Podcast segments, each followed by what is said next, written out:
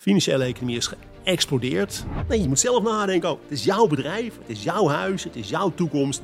We hebben wel gezien wat voor dramatische gevolgen dat eigenlijk heeft gehad. Want wanneer is dan dat moment dat je dat daadwerkelijk in die reële economie weer terugziet? In de vorm van bijvoorbeeld een recessie of misschien zelfs wel een crisis. Vandaag verwelkomen wij Kees de Kort, een macro-econoom en beursanalist.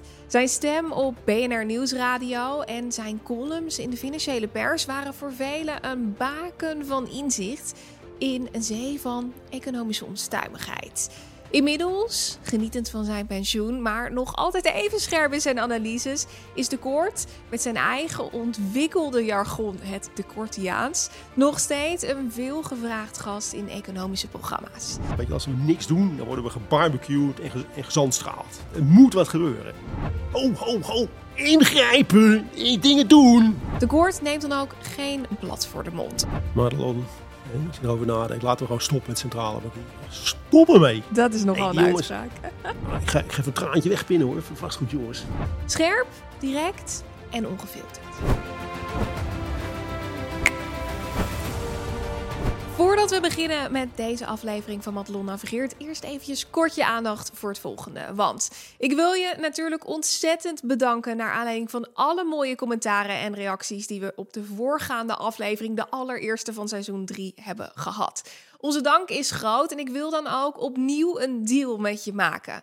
Ik zou je willen vragen of je je wil abonneren op dit kanaal. Dat kan door hieronder op de abonneerknop te drukken of door hierboven in het i'tje op abonneren te klikken. Daarmee help je ons verder om nog meer interessante gasten voor dit seizoen te kunnen uitnodigen. En dat helpt jou natuurlijk om financieel steeds slimmer te worden. Goed, ik wil je alvast bedanken voor het abonneren en dan gaan we nu snel door met de aflevering.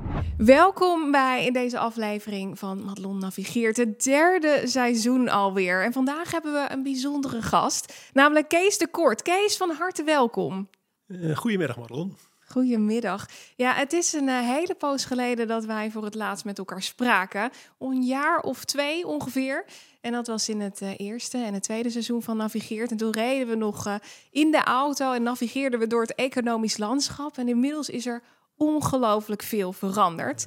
En ik wil graag eh, dit eh, interview beginnen met even een korte terugblik naar de situatie van toen. Want we zaten toen eh, midden in de periode met, met lockdowns. Er werd enorm veel geld gecreëerd. Jij waarschuwde onder andere voor inflatie, een loonprijsspiraal en natuurlijk lagere, kleinere marges voor ondernemers. En ik wil eigenlijk even met je terug naar dat moment, of je die situatie zou willen schetsen. En dan kunnen we vervolgens eh, de diepte ingaan. Nou, dat, wanneer, dat, wanneer was dat? Eh, in, in eind 21? Als ik me Ja, goed dat kan denk ik herinneren. inderdaad. Ja, ja, ongeveer twee jaar, twee Nou jaar ja, toen, toen hadden we natuurlijk, ja, er is natuurlijk de afgelopen drie jaar ongelooflijk veel gebeurd. Het Ja. begon eigenlijk met het corona-verhaal. En dat kwam min of meer uit het niets, uit China. En dat had natuurlijk wel grote economische consequenties. En ja, dat begon met die lockdown. Die lockdown had ook enorme economische consequenties. Want China was een hele belangrijke speler in de internationale productie- en distributieketens. En China ging op slot. Nou, dat had natuurlijk enorme consequenties voor het westerse bedrijfsleven. Want dat, die productie- en distributieketens, dat was allemaal een kwestie van... op, op het juiste moment moesten de juiste spullen op de juiste plaats zijn. Nou, op het moment dat een land op slot gaat... Ja, dan komt dat natuurlijk allemaal op de tocht te staan. Hè. Dus alle ondernemers begonnen te, te manoeuvreren en te kijken... kunnen we nog aan spullen komen? Hoe kunnen we aan spullen komen? Wanneer kunnen we aan spullen komen? Wat gaat het kosten? Dus dat was een behoorlijke verstoring van het hele economische proces. Aan de maakkant van de economie. Want aan de dienstenkant ging het gewoon door. Ja, nou ja, laten we zeggen, in die tijd dat wij met elkaar spraken, wa- wa- waren die effecten, werd het, wa- waren we al zo'n beetje aan het verdwijnen. Hè. Men, had de zaken al een beetje op orde. Dat corona-verhaal, dat is, een, dat is dieptepunt wel gehad. Ondertussen was er ook wat, hè, als, als eenmaal een crisis ontstaat, dan gaan toch mensen kijken, wat kan, hè, pas dan gaan we kijken van, wat kan er nog meer gebeuren?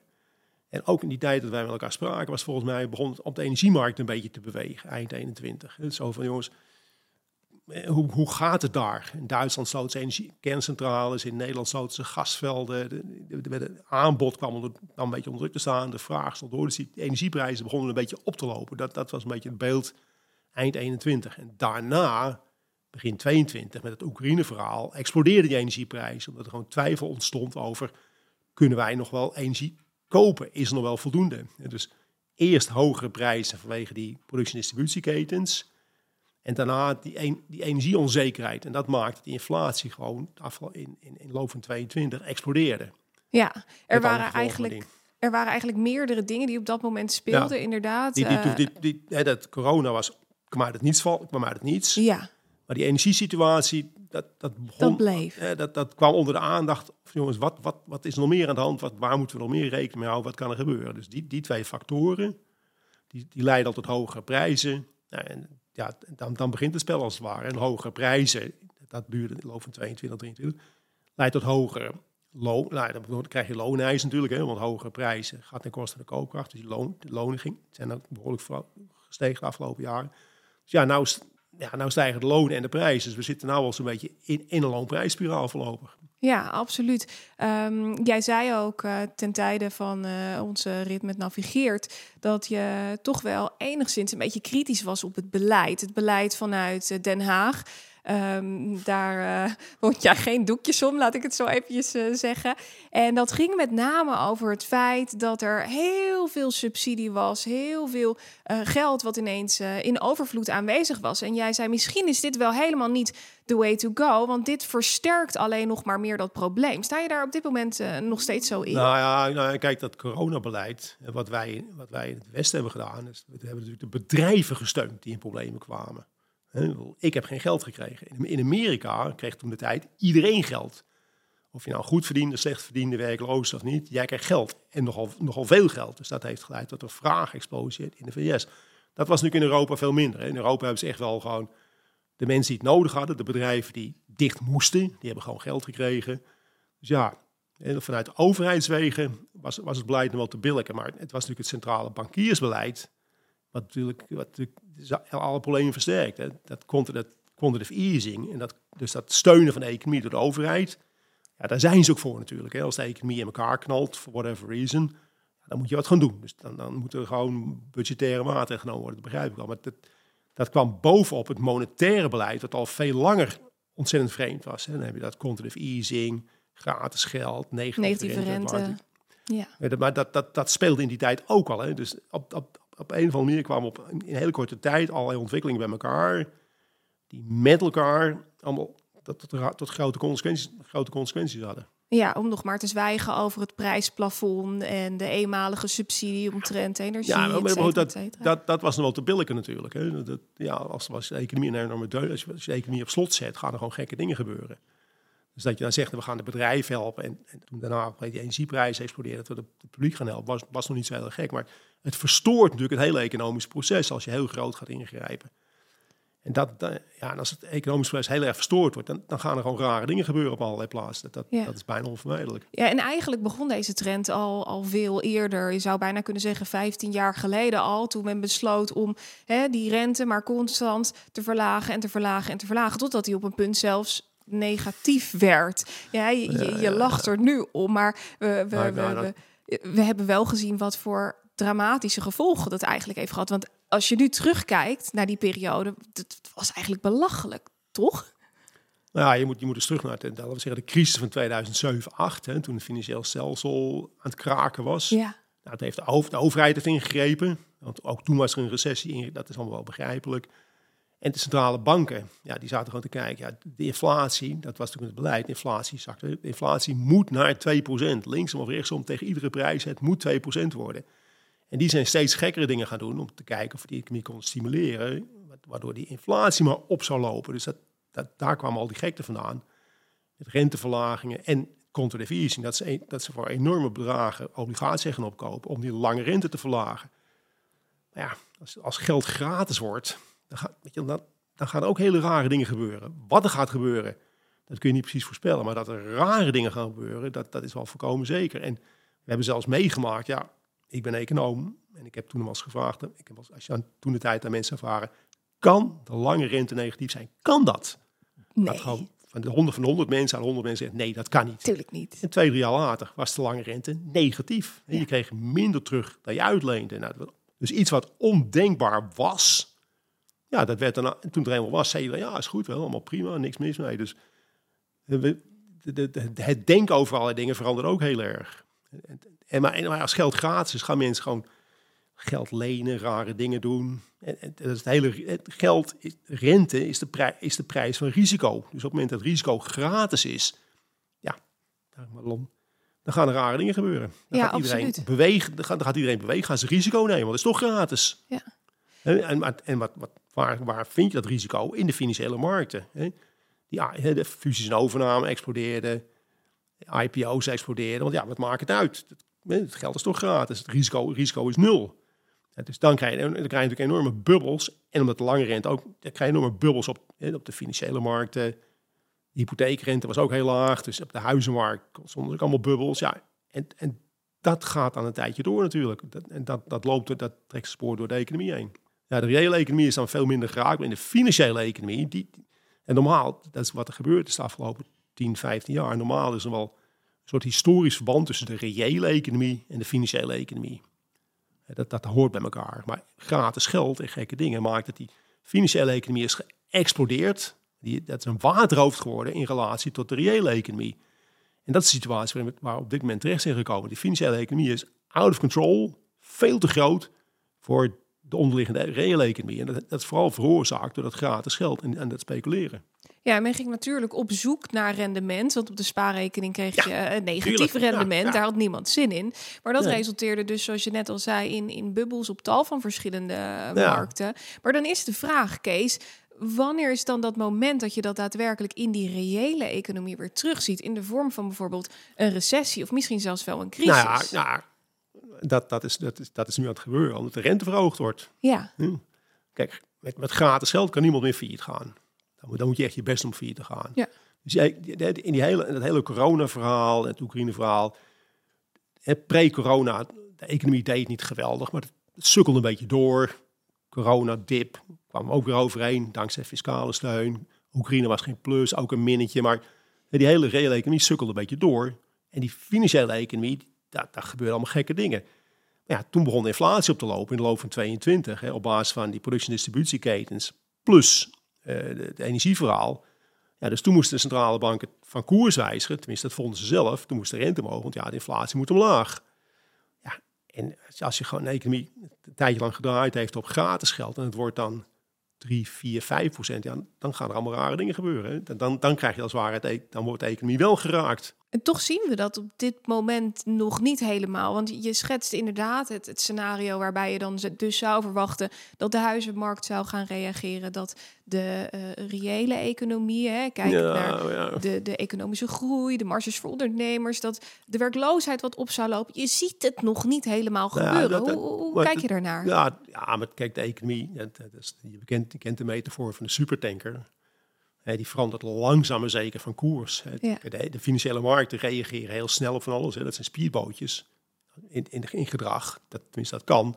Maar een macro-economie, een internationale economie, want het is natuurlijk niet alleen in Nederland zo, dit is in heel Europa zo, in de VS ook. Ja, dat zijn natuurlijk langzaam maar zeker. Hè. Die, die hoge rente is wel een minpunt. Maar ja, als jij, dat wordt pas duidelijk als je nieuw geld moet lenen of als je moet herfinancieren. Ja. Nou, dat, dat een heleboel mensen die lenen nu nog heel goedkoop. Pas op het herfinancieringsmoment gaat het kraken. En als je geld moet lenen, dan wordt het duurder. Hè? Dus dat zijn processen met, met een hele lange looptijden voordat het echt daadwerkelijk, zicht, voordat het daadwerkelijk zichtbaar wordt. Ja. En vergis je niet, vergis je niet, de begrotingstekorten, hè, die zijn nou, in de VS, grote economie, procentje nu nog steeds, terwijl de, hè, dat, dat is het opmerkelijk. Hè. Begrotingstekorten zijn prima te billig als het misgaat, maar in gewone tijden zou je toch zeggen, van, jongens, dan moeten, we- moeten we een beetje op de kleintjes gaan letten.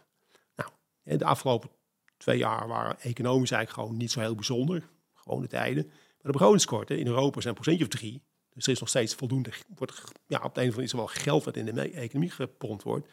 In Amerika, in is het gewoon 5, 6 procent. Dus ja, weet je wel, dat, dat, er is in ieder geval geld zat, om, ook al wordt het duurder, dit wordt een alle vormen van, van geld uitstrooien, wat, wat de, de, de reële economie wel ondersteunt. Maar dat, dat, dat- en ook, ook met, met vertrouwen, met, met bijvoorbeeld die huizenmarkt. Kijk, de stemming is natuurlijk wel ontstaan in de afgelopen 30 jaar. Ja, als het een beetje misgaat, worden we geholpen. Ja, dat is natuurlijk al een paar keer gebeurd. Hè. In 2008 ook. Het ging een beetje mis in de huizenmarkt. Ja, dan, moet, dan moeten die mensen geholpen worden. Hè, dus dat, dat is ook al het hele idee in de samenleving geworden. Als het een beetje misgaat, moeten we geholpen worden. Dus ja, waarom zouden we ons, ja, moeten we ons een beetje zorgen maken? Maar als het, een beetje, als iets meer dan een beetje misgaat, dan staan mensen voor ons klaar. Dat, dat is de grondhouding geworden. Een eigen verantwoordelijkheid, consequenties van je, van je besluit. Ja, hallo, daar zijn we niet voor. Weet je wel. Wij, wij moeten geholpen worden. Nou, en die grondhouding, die is er. Die maakt dat, ja, dat, dat voorlopig nog niet zoveel reden is om heel erg nerveus te worden. Want ja, het neerwaarts risico, hè, gegeven de, de, de totale, totale maatschappelijke systeem van mensen helpen als het een beetje misgaat. Ja, dan kun je wel meer risico nemen. Maar, maar risico is terug aan tafel, dat, dat is wel duidelijk. Maar ja, dat duurt een tijd voordat mensen dat gaan realiseren. En, wat ik net al zei, als je, als je denkt dat je geholpen wordt, ja, dan, dan maak je vooral op korte termijn geen zorgen. Het is dus ook wel een beetje het sentiment wat er nu omheen hangt. Waarbij men nou ja, dus dat, eigenlijk... dat is, Ja? Ja, dat is ook in de loop van ja, dat, dat is niet uit de lucht komen vallen. Hè. Dat is natuurlijk al eh, dat is een proces wat misschien wel 30 jaar geleden begonnen is. Dat je de eigen verantwoordelijkheid wordt steeds minder. Als jij iets doms doet, ja, dan moest je vroeg op de blaren zitten. Dat, dat vond ik iedereen normaal. Dat hoorde erbij. Maar ja, dat, dat is steeds minder geworden. Als je nou iets doms doet, ja, daar kun je niks aan doen. Je bent slachtoffer, je moet geholpen worden. Dat, dat is een proces wat in, in, in 20, 25 jaar gewoon in, in, die, in, in de maatschappij is geslopen. En iedereen rekent erop. Ook beleggers. Ja, en jij had het laatst ook over een, eh, mooi, een mooi voorbeeld waarmee je dit zou kunnen vergelijken. Dat ging over het grachtenpand in Amsterdam. Weet je nog op welk voorbeeld ik doe? Ja, ja, ja, ja, dat wel even, even mijn, eh, even mijn vaste op voorbeeld in dit soort dingen. Het, Ja. is een grachtenpand, het, staat, het ziet er fantastisch uit, het staat strak in de lak. Maar de palen staan te verrotten, daar zie je niks van. Je weet ook niet, je weet ook niet wanneer het misgaat. Alleen, als die palen beginnen te kraken, dan gaat het een keer mis. Ja, Ja. Dus dat, dat zijn natuurlijk hele... Dat zijn grote processen die, die heel lange tijd nodig hebben om, om, om gewoon daadwerkelijk eh, tot, tot, tot, tot, tot uiting te komen. In de tussentijd probeert natuurlijk iedereen te voorkomen dat, dat, het, dat het misgaat. Hè. Ja, Dat, dat zie je ook met die financiële markt. Die, die, gaan, die zijn ook vanuit gegaan, ja, als het misgaat, gaan wij geholpen worden door de centrale bankiers. Ja. Hè, Die gaan dan doen wat, wat wij graag willen. Het kan natuurlijk niet zijn dat wij, dat wij domme dingen hebben gedaan. Dat hebben we misschien wel, maar dat gaan we niet zeggen. Dan gaan we naar, dan gaan we naar eh Klaas Snot kijken en naar mevrouw Lagarde en naar Jay Powell. Van jongens, hallo, hallo, hallo. Wij, wij komen in problemen, nu kunnen we even wat doen. En ook dat is gewoon al de afgelopen 20, 25 jaar normaal geworden. Nou, zit, nou, hier we are. Nou zitten we hier, precies. Ik wil Nou, het zo meteen nog even uitgebreid met je hebben over onder andere de beurs, over de centraal bankiers. Maar eerst is er een ander belangrijk onderdeel wat we ook echt even moeten aanstippen. Je had het er net al even kort over. En dat is de energietransitie. Want ook dat speelt een belangrijke rol in dit geheel, omdat dat net zo'n lange trend is als die macro-economische nou ja, bewegingen waar we het Er- net er- over er hadden. zijn, er zijn als, als het ware, we hebben het nou een beetje over rood. Er zijn twee grote, twee, drie grote, grote bewegingen Ja. zijn gaande. Bijvoorbeeld nou, energietransitie. Weet je wel, eh, laten we zeggen, een paar jaar geleden was het eh 11 uur, Sa- 11 uur s'avonds. Vier jaar geleden was het eh, kwart voor twaalf. En nu is het vijf over twaalf. Weet je, als we niks doen, dan worden we gebarbecued en, ge en gezandstraald. Er moet wat gebeuren. Maar wat, wat mensen totaal niet begrijpen, echt, dat begrijpt bijna niemand, hoe belangrijk energie voor de, voor, voor de economie is. Zonder energie is er niks. Alles wat er is, is gebaseerd op energiegebruik. En meer smaken zijn er niet, echt niet. Dus wat, wat is nou cruciaal voor economische ontwikkeling? Betaalbaar energie, dat helpt, en betrouwbaar. De fossiele brandstof en gas is, en nucleair is betaalbaar en betrouwbaar. Op basis daarvan zijn wij met z'n allen rijk geworden. Echt andere smaken zijn niet hoor. Dus dat hele idee van die transitie richting duurzaam zonne-energie, windenergie, biomassa. Maar Lon, dat kan wel, maar dat, dat is onbetrouwbaar en het is veel duurder. Dat Ja. is echt een, dat, we zijn echt een historische vergissing aan het maken door daar aan door te zetten.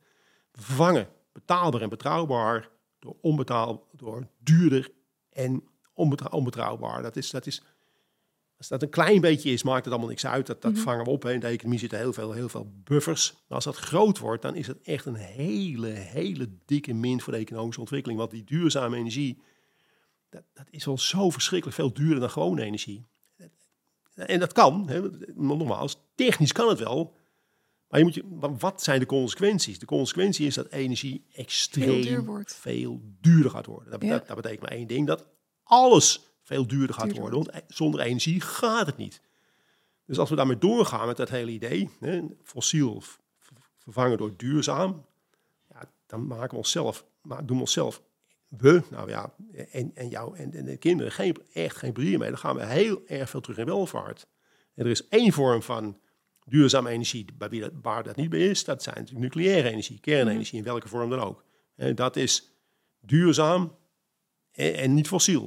Maar ja, daar wordt niet over gepraat, daar mag niet over gepraat worden. Nee, het is windmolens, biomassa en zonne-energie. Het is echt een Als je nou jezelf, jezelf arm wil maken, moet je daarmee doorgaan. Zo simpel is het. Ja, de kerncentrales Dat is- dat- worden volop eh, gesloten, juist, zie nou, je op dit moment. Nou ja, ja, ja dus en als dat dan maar, als maar een klein percentage is, weet je, dan, dan vangen we dat wel op. Maar Ja. als je gewoon kijkt naar de plannen van, van de verschillende grote politieke partijen, niet alleen in Nederland, maar ook in andere landen, dan zitten we er vol, vol op in te zetten. Nou, dat is echt, dat is echt, dat is, het is geen zelfmoord, om te kunnen het wel betalen, maar dan gaan we echt met elkaar veel, min- veel minder welvarend worden. En dan kunnen we dus ook minder zorg, minder onderwijs. Het, het, het kan wel financieel, maar de consequenties daarvan zijn dat er echt extreem veel minder geld is voor andere dingen.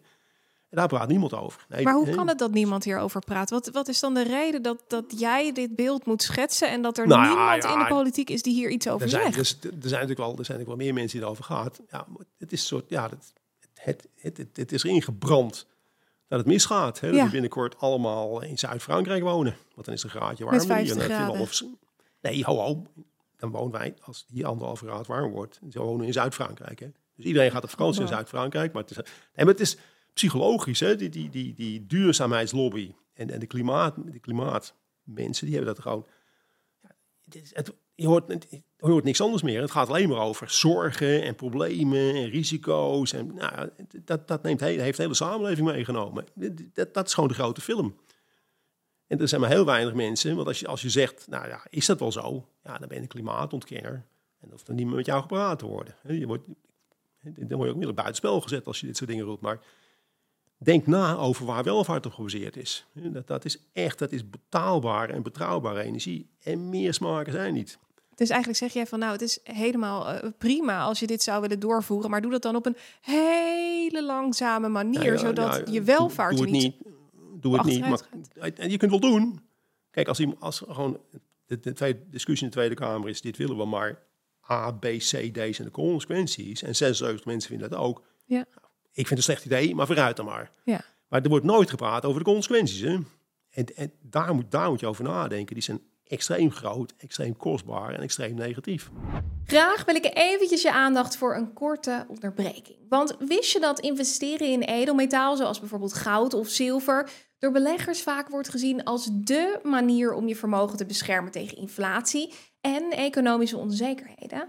Onze partner Gold Republic maakt beleggen in edelmetalen toegankelijk en begrijpelijk voor iedereen.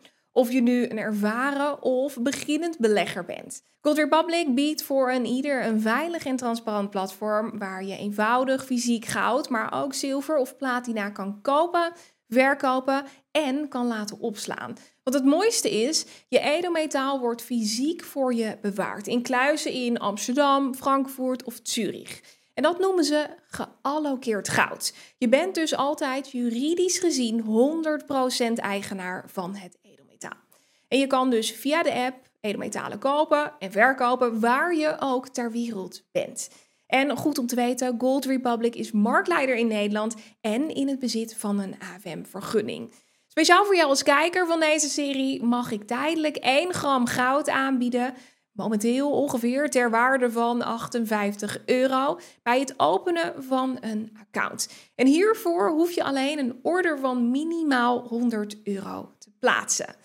Als je interesse hierin hebt, kan je op de link in de beschrijving van deze video of deze podcast klikken of surfen naar matelonvols.nl slash Gold Republic. Dus wil je goudportefeuille uitbreiden of ben je op zoek naar een nieuwe partij om eh, geallokeerd edelmetaal aan te kopen, weet dan dat je gebruik kan maken van deze link. En door gebruik te maken van de link ondersteun je niet alleen jouw eigen financiële toekomst, maar ook onze show.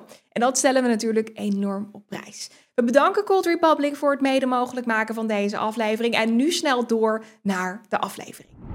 Dat is, dat ook, een, maatschappelijke ontwikkeling. Nog eentje natuurlijk. Dat, we zijn overal voor, maar de consequenties, daar praten niemand over. Er was toevallig gisteren een rapport van het Sociaal Cultureel Planbureau, misschien heb je het ook wel gelezen, over, over de keuzes van politieke keuzes. Ja, dat, dat was commentaar was van ambtenaren. Van, dus dan weet je al dat het nog veel erger is. Van, Ja, we kiezen wel, maar nooit. We praten nooit over de consequenties en we praten nooit over de, de financiële gevolgen van al van het, van het beleid. En wat, wat, als we dit willen, wat kunnen we dan niet meer? Als we dat willen, wat kunnen we dan niet meer? Het is allemaal goed nieuws show, dit willen we. We, kunnen iedereen, we willen iedereen helpen, maar wat de consequenties daarvan zijn, hoor je nooit. Dat, daar wordt zorgvuldig omheen gedaaid. En dat, dat, wel begrijp, dat zijn heel, heel vaak negatieve consequenties. Dus maar mijn punt is alleen maar, voor de toekomstige, de langjarige economische groei, wordt door dat energietransitiebeleid zwaar onder druk gezet. En er is nog een ontwikkeling, ook een maatschappelijke ontwikkeling. Dat is het, is absurde veiligheidsdenken. Veiligheids- en controle. Je moet eens gaan tellen in Nederland hoeveel mensen bezig zijn met het opstellen van protocollen en het controleren van protocollen. Nou, die mensen zijn, die krijgen een salaris, maar die zijn natuurlijk niet, die voegen niks toe. En dat, en dat is ook een beweging. Er mag niets meer fout gaan. Twintig jaar geleden kon je op een ladder staan, vond iedereen prima. Kon je er vanaf donderen. Mag niet meer. Arbo. de, de, financiële instellingen. Er is blijkbaar ooit een keer erg zwart geld ontdekt. Nou, nu hebben elke bank heeft gewoon duizenden mensen in dienst met allemaal know your customer. 13.000 in totaal. ja. Nou, zo een beetje. Dus alles moet gecontroleerd en beheerst. En, maar dat, dat ontzaglijk. Hè? Dus het mag niet meer misgaan. Het mag niet meer groot misgaan. Het mag niet meer heel klein misgaan. Want stel je voor dat een of andere Tsjechische mevrouw een paar duizend eurotjes zwart in Nederland binnenbrengt. Ja, dat moeten we niet willen met elkaar. En dan gaan we gewoon mee. Dus, maar dat heeft een heel, een heel drukkend effect op de economische activiteit natuurlijk. Ja. Dat, dat, dat, dat, ook in de zorg, protocollen, controle, in het onderwijs, protocollen in het onderwijs. Hoeveel mensuren worden er besteed aan het controleren van andere mensen? En met, met één doel, één doel. Als dat misgaat, kunnen we zeggen dat op 7 november 2023 Madelon Vos toen een foutje heeft gemaakt. We hebben een dader. Het hele controleapparaat is erop gericht om, dader, om achteraf te kunnen zeggen... Eh, of Kees Kort is stout, stout. Dat had hij niet moeten doen, we hebben hem. Dus, maar, maar dat, dat, geeft al inkomen, het geeft geen dynamiek. Het geeft geen verbetering, het geeft geen groei. Ja. Dat, ook, een, ook een lange termijn ontwikkeling die in, mijn ogen heel negatief is. Ja, want dat veiligheid, denk je, jij schetst dan nu het scenario vanuit uh, de gevaren. Maar je zou ook kunnen zeggen, er zullen vast behoorlijk wat ondernemers zijn die hierdoor uh, ja, toch wat uh, terughoudender zijn met het innovatief zijn. En daardoor dus minder Marlon, nieuwe Mar dingen gaan ontwikkelen. Marlon, je bent, je bent, je bent, een jong, je bent een puistkopje en je wil wat beginnen. Dan ga je naar de gemeente. Moet je beginnen met 20 vergunningen. Ja. Hè? Nou, dat doet natuurlijk helemaal niemand meer. Nee. Dus weet je wel, het is niet zo dat, dat er gewoon niks meer gebeurt, maar laten we zeggen, het, het, het initiatief, nemen, initiatief nemen wordt niet, niet gestraft, dat is nog net niet, maar het wordt wel ingewikkelder gemaakt. Ja. En ook met, met grote investeringen, ja, ja, er komt zo verschrikkelijk veel. Je hebt zoveel mensen nodig voordat je, voordat je mag beginnen, en zoveel tijd erin moest.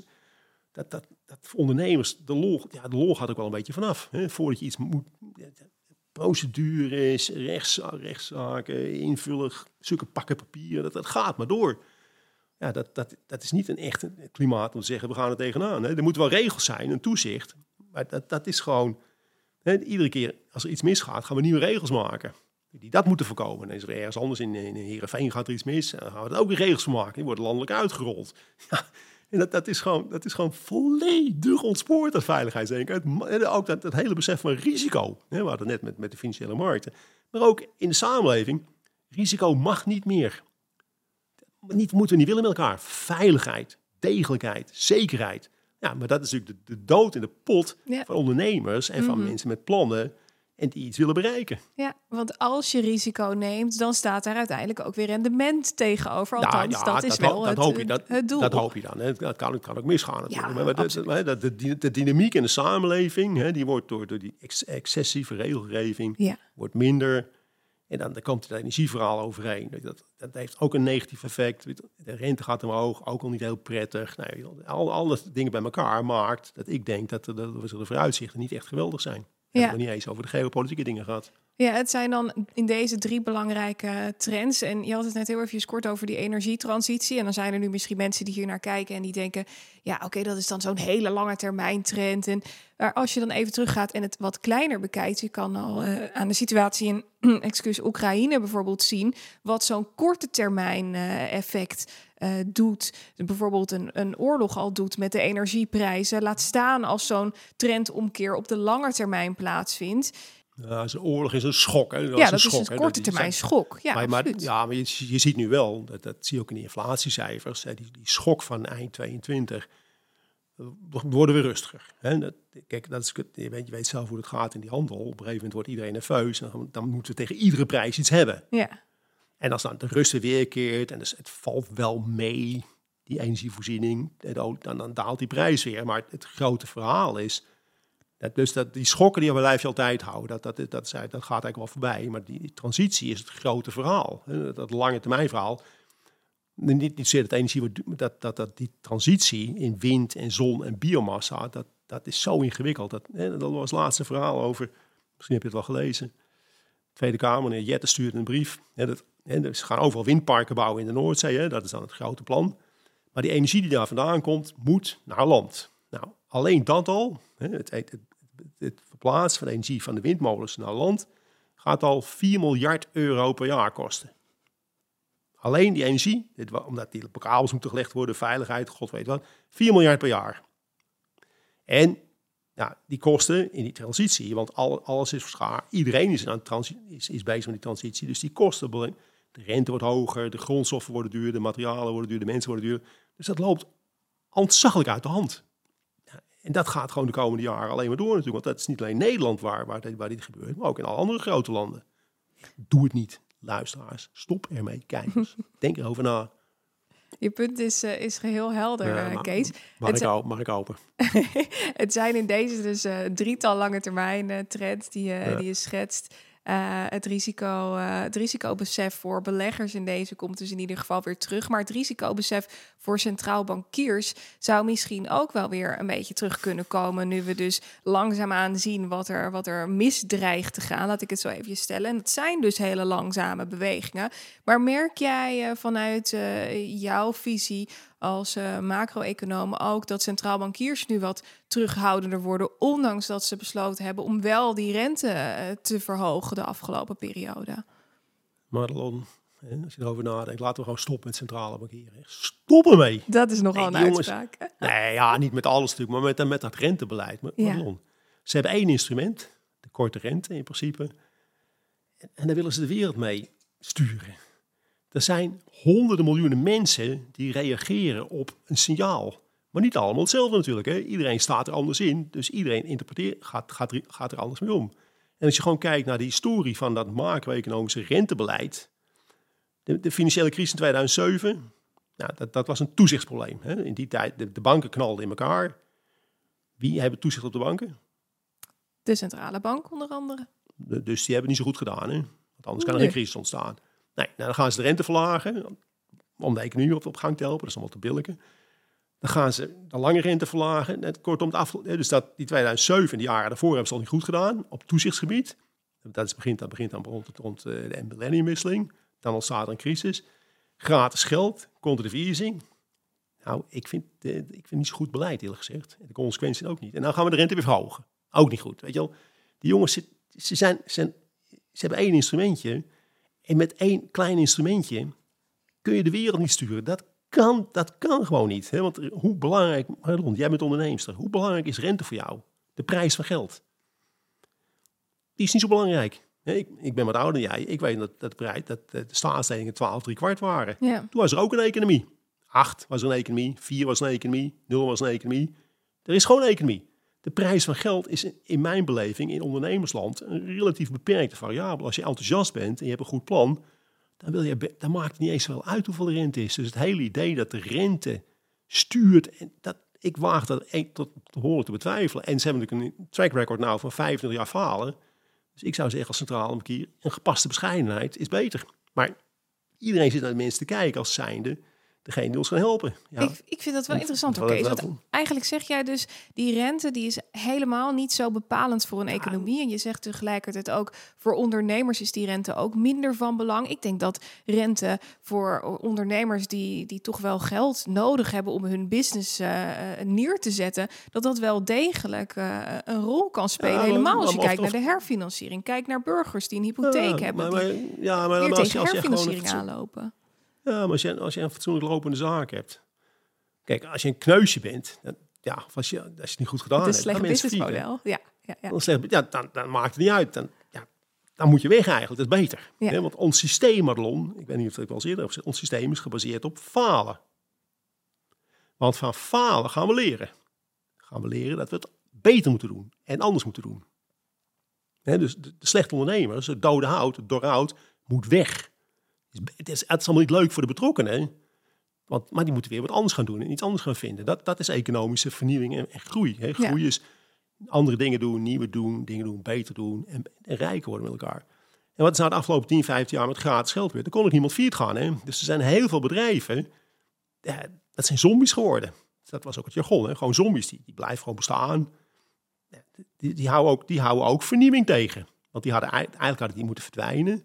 En het moeten alle, alle, alle mensen en, en, en, as, en uh, productiemiddelen en, bedrijven en gebouwen moeten ingezet voor andere, nieuwe, beter lopende dingen. Dus die, die, het gratis geld heeft geleid tot een enorme stagnatie in het hele economisch proces. Het economisch proces gebaseerd op, hè? als het misgaat, maken we een einde aan en ga jij en andere mensen gaan, het, gaan andere dingen bedoelen. En dat, dat proces is ook helemaal tot stand, dat, is ook even de reden om de groei zo laag natuurlijk. Hè? Dat er geen enkele dynamiek meer in die samenleving zit. Ook die regelgeving, maar ook het niet meer via kunnen gaan. Centrale banken, weet je, als, je, als je één klein instrumentje hebt om de, de macro-economie te sturen, dat mensen daarin geloven, daar begrijp ik gewoon niks in. In extreme situaties, hè, echt schokken, bijvoorbeeld als, dat je van, van 5 naar 0 gaat, bam, dan heeft het misschien effect, maar gewoon geleidelijk een beetje hoger en geleidelijk een beetje lager. Dan gaat, dan gaat iedereen gaat manoeuvreren en gaat er iets mee doen. En ik denk dat de effecten daarvan veel beperkter zijn. Dus jij schetst uh, niet het scenario waarin ondernemers of burgers last krijgen van het feit dat de rente uh, dat nu ja, ineens een klap hoger ja, staat. Nou ja, zo wat. Ja, het hoeft niet per definitie nee, erg te zijn, nee, nee, we hebben natuurlijk nou, dan, heb je pech, dan heb je pech gehad. Maar natuurlijk gaat die rente omhoog. Maar die rente komt van een absurd laag niveau. Ja. De vraag is niet of de rente omhoog gaat. Natuurlijk gaat die omhoog, want dat was nul. Ja. ja. Maar denk je dan? Gaan we ja, negatieve rente ook nog gehad. Maar goed, dat, dat, hoort, de rente hoort de risico, prijs van risico. Wat is het probleem als die rente 4, 5 procent is? Is niet leuk voor mensen die gewend zijn dat het nul is, want die moeten meer gaan betalen. Maar risico moet een prijs hebben. Je moet erover nadenken. Wat doe ik wel? Heb ik er nog voor over? Wat doe ik niet? Ik durf niet meer. Dat is, de prijs, dat is rente. En dat die omhoog gaat als van nul, wat dacht je dan? Dat we de rest van ons leven op 0% zouden zitten? Nee, natuurlijk. We gaan langzaam, heel langzaam maar zeker, gaan we terug van een absurde situatie, totaal absurd, naar iets wat lijkt op normaal. Maar dat, wat, ook betekent, wat, wat ook ontstaan is in de loop van de tijd, wat ik net al zei, het mag niet meer slecht gaan. Maar Madelon, jij hebt ook economie gedaan. Economie is cyclisch. Dat betekent goede tijden, slechte tijden goede tijden. Op een gegeven moment zijn we euforisch. Toen gaan we gekke dingen doen. Gaan we te ver. Moet het, moet het wat minder gaan. Moet, moet, moet, moet een beetje de, de rots uit het systeem gerongen worden. Nou, wat is nou al heel erg lang aan de gang? Groei, groei, groei. Gekke dingen. Dat laten we allemaal lopen. Maar dan draait de economie. Dan gaan we, gaat de groei naar nul. Ho, ho, ho. Ingrijpen. Dingen doen. Nou, dat betekent dus, maar dat is, dat, is, dat is de afgelopen 30 jaar steeds erger geworden. Het mag niet meer misgaan, ook niet met de economie. Maar dat betekent wel dat alle dingen die ontspoord zijn in het omhooggaande proces, allemaal blijven bestaan. Ja. Dus die, die economie die zit vol met hele rare dingen die, zijn, die al lang weg hadden moeten zijn, maar niet, niet weg mochten. Want ja, dan zouden mensen werkloos worden, dan zou misschien een bedrijf failliet gaan. Dus dat gaan we allemaal, allemaal redden. Dus die hele economie die is gewoon heel verwrongen. Hè? Dus dingen, dingen, er zitten heel veel gekke dingen in die, die eigenlijk uitgeslopen moeten worden. En een recessie is niet leuk voor die mensen die, die werkloos worden. Maar er werken geloof ik in Nederland uh, 9,5 miljoen mensen. Ja, als een paar duizend mensen werken, is niet leuk voor die mensen. Maar de wereld stort niet in. Hun wereld stort in, maar niet de wereld. Ja. En die, die, die mensen komen weer, hè, dat is allemaal niet leuk, maar dat, dat hoort bij het herstelproces van een economie. Hè, dat we voor tijd de rare, excessieve dingen eruit. even eruit snijden. Ja. En dan, dan, dan, dan, en dan kunnen we andere mensen zeggen, oké, er zijn nou weer mensen op de arbeidsmarkt gekomen die wat kunnen. Er zijn panden leeg komen te staan. Er zijn machines. Wij gaan weer wat bedenken. Dat hoort bij een economie. Dat het liever niet. Maar dat is de, de, recessie is meestal een gevolg van euforie en verkeerde dingen gedaan in de opgaande beweging. Maar ook dat mag niet meer. Het mag niet meer slecht gaan. Maar dat hoort erbij als je een gezonde economie... Het is gewoon de natuur. Het, economie, dat klinkt een beetje raar, maar het is gewoon de natuur. Als er iets te veel is, moeten we afscheid nemen van dingen en dan kunnen we weer verder kijken. Maar in deze hebben we dus gezien dat er in die natuur allerlei dingen hebben plaatsgevonden door menselijke inmenging, waardoor er daar een specifiek bos is ontstaan en daar een diersoort is uitgestorven. En nu moet dat weer langzaamaan rustig aan Ja. naar normaal Ja, ja. gaan. Dat is een lastige maar- uitdaging. Ja, maar economie is, economie is, het, we zitten, de economie is niet begonnen in het jaar 2000. Dat doen we al een paar duizend jaar. Ja, En we hebben, al, we hebben altijd gewoon geaccepteerd dat als het misgaat, dat dat kost, hè, de eigen verantwoordelijkheid, domme dingen gedaan, heeft consequenties. Let wel, con, leer dat woord uit je hoofd, consequenties. Hè, voorspellen, elke keer gebruiken, weet je wel. En daar, dat, dat, dat bestaat ongeveer niet meer. Dat mag niet meer. Je mag heel veel domme dingen. Dat is, dan ben je zielig, ben je slachtoffer, moeten we jou helpen. Nee, nee, nee. Je moet het te blaren zetten van je eigen stommiteiten. Dat hoort bij een, normaal, bij een gezonde economie. Het is niet alleen in Nederland zo, hè, alle andere landen van de wereld ook. Maar dat, dat zijn gewoon maatschappelijke ontwikkelingen die gewoon in de loop van de tijd is dat, is dat door iedereen doordrongen. Maar het heeft wel, dat is, het, heeft wel heel lange, heel lange termijn consequenties natuurlijk. Maar de, de rente 4, 5 procent is hoger. Maar yes, het was nul. Dat hoort niet zo. Wat zou in deze jouw voorstel zijn? Want je kan toch niet zomaar zeggen: laten we stoppen met die centraal bankiers en laten we alles de vrije markt eh, aan de vrije Nou, markt nou, overlaten. nou, en? En? Kijk, hè, de toezicht op de banken, dat, en het, het toezicht op het geldverkeer, dat, dat, dat moet... Madelon, wat, wat is er mis mee als iedereen moet gaan nadenken wat hij zelf moet doen? Waar, waar, waarom, waarom gaan wij naar Jay Powell kijken? Ja, En hoe, hoe kan het zijn, hoe kan het zijn dat de hele wereld kijkt naar drie mensen of vier mensen als richtinggevend? Dat is toch te belachelijk voor woorden. Dat is gewoon, waar- jij moet zelf kunnen uitmaken. Ik wil 5% betalen, als, ik- ik kan 5% betalen, ik kan 3% betalen. In essentie, als mensen gewoon met elkaar uit moeten maken wat de rente is, wat is daar mis mee? In principe, in theorie. Waarom gaan we eerst naar Jay Powell kijken en naar mevrouw Lagarde van, oh, wat, wat zegt Christientje? Wat wat zegt Jay? Nee, je moet zelf nadenken. Oh, het is jouw bedrijf, het is jouw huis, het is jouw toekomst. Denk zelf na over wat je wil betalen, wat je kunt betalen. En zoek elkaar dan op. ja. En In plaats dat iedereen gaat, iedereen, in plaats dat iedereen gaat zitten frontrunnen op wat, wat, wat een paar mensen gaan zeggen. Met alle consequenties. En even concreet, dat is dus iets wat er nu gewoon niet gebeurt. Want er wordt tot op heden Nee. nog steeds afgewacht op die persconferentie van Jay Powell. Heel crypto, of crypto-Twitter wilde ik zeggen, heel financieel Twitter zelfs Ja, kijkt ja. naar wat er dan gebeurt. Je ziet zelfs de cryptomarkt daarop reageren. De financiële markten die daarop Het is reageren. toch onbegrijpelijk? Want je kunt toch zelf ook nadenken? Waarom, waarom kun je, je moet zelf nadenken en de consequenties accepteren van je gedrag. En dan gaan we zeggen, ja, ik ben fiets gegaan omdat Jay wat gedaan heeft. Nee, je bent fiets gegaan omdat je zit kloten. Ja, Hè?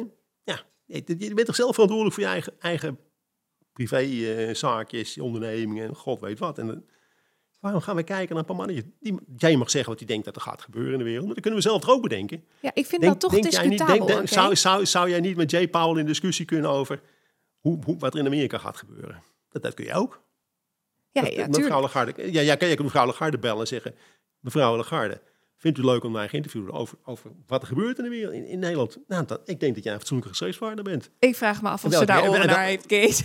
En, en welke, welke rente erbij? Dat moeten wij met elkaar uitmaken. ja, In, in het vraag- en aanbod eh, verhaal. ja. Dan, dan komt, er een bedrag, komt er een bedrag uit voor één jaar geld, voor vijf jaar geld. En dan gaan we het een tijdje mee proberen.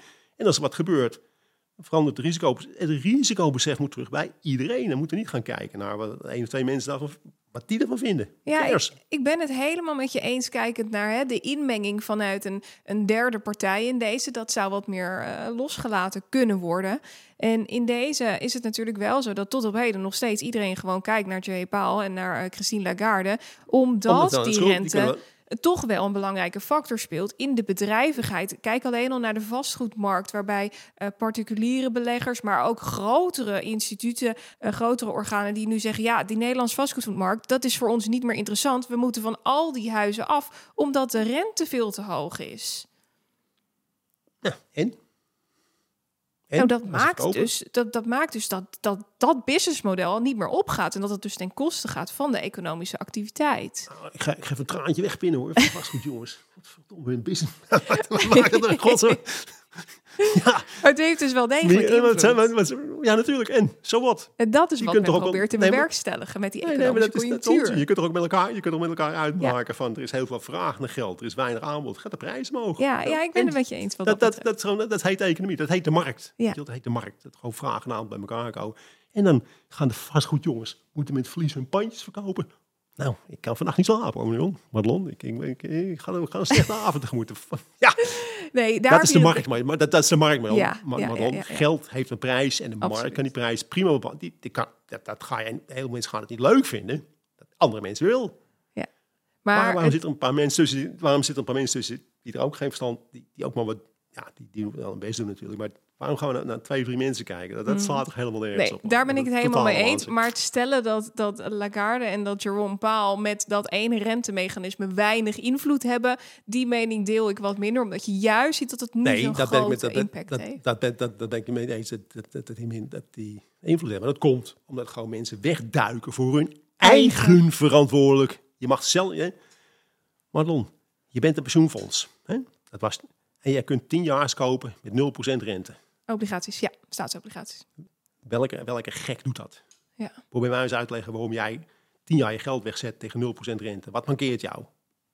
Dat, dat Jay het niet leuk vindt. Weet je, wat mankeert jou? Dat jij gewoon 10 jaar geld wegzet zonder rente. Dan ben je gewoon, ja, dan moet je over. Dat, dat, en dat hebben heel veel mensen gedaan. Hè? Dit is als pensioenfondsen.